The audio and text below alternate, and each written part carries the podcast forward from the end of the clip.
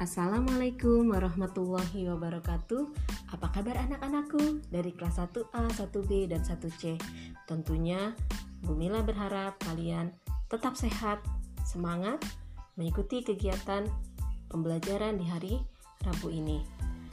Pada hari Rabu ini kalian ada kegiatan literasi dan kali ini kegiatan literasinya akan dipandu oleh Bu Mila Kalian akan mendengarkan cerita yang akan dibacakan oleh Bumila. Sudah siap mendengarkan?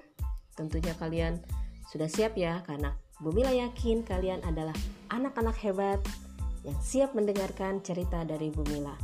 Sebelum mendengarkan, ayo sama-sama kita menyanyi dulu.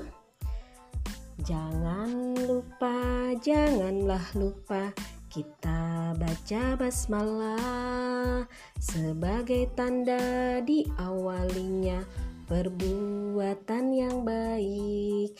Ingat selalu pesan Pak Guru, ingat pesan Bu Guru.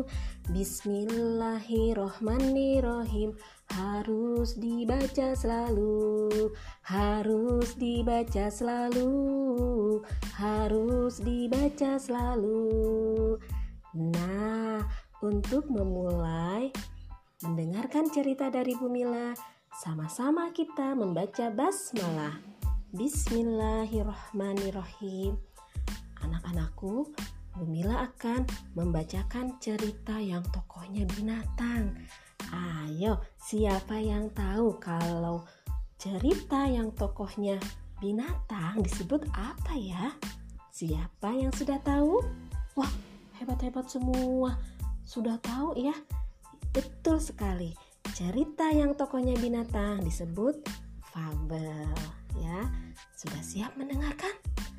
Judul ceritanya yaitu Kalau tidak serakah nanti berkah.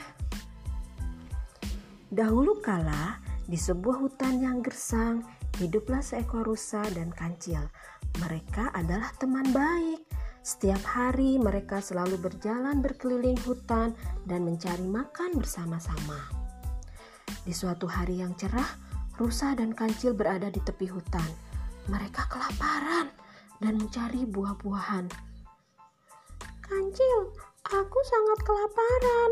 Menurutmu, di mana kita bisa menemukan makanan? Tanya rusa. Aku tidak tahu. Ayo kita cari saja, jawab kancil yang juga merasa kelaparan. Tampaknya tidak ada buah yang bisa mereka petik karena di ujung hutan ini hanya ada beberapa pohon saja. Karena tidak juga mendapatkan makanan, rusa mengajak kancil untuk mencari jauh ke dalam hutan. Di sana ada beberapa pohon yang besar dan selalu berbuah. Ketika mereka sampai di tengah hutan, mereka menemukan banyak buah. Namun, buah-buahan itu belum matang, jadi tidak bisa dimakan. Tapi, rusa sudah sangat lapar, jadi ia mengajak kancil untuk memakannya tanpa khawatir. Kancil menolak dan tetap melarang rusa untuk memakan buah mentah. Buah mentah bisa menyebabkan sakit perut, ucap kancil. Meskipun demikian, rusa tetap memakan buah mentah itu dan mengabaikan saran kancil.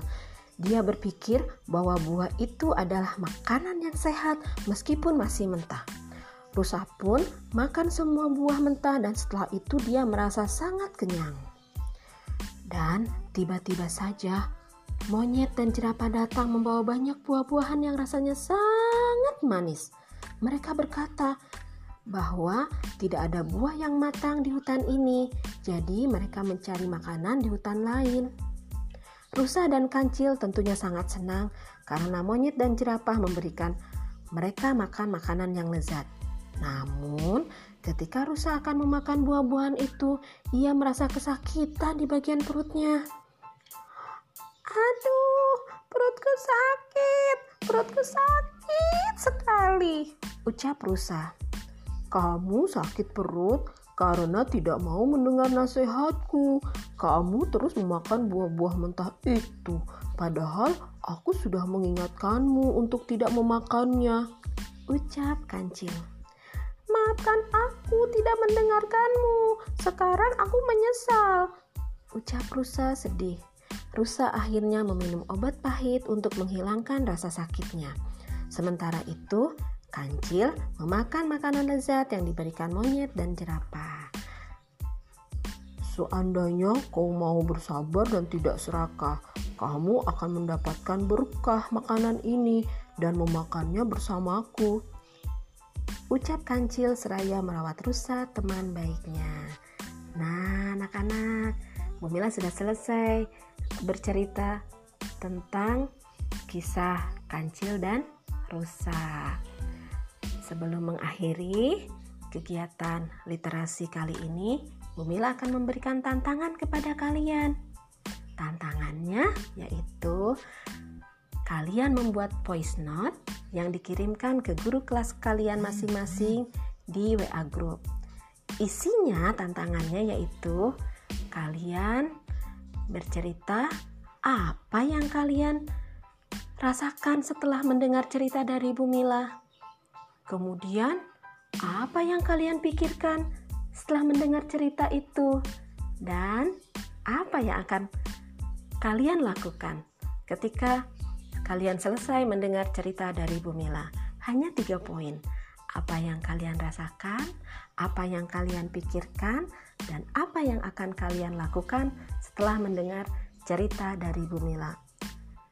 Sebelum mengakhiri literasi ini, pesan Bumira, kalian harus menghindari sikap serakah. Kita harus bersabar jika kita ingin mendapatkan berkah.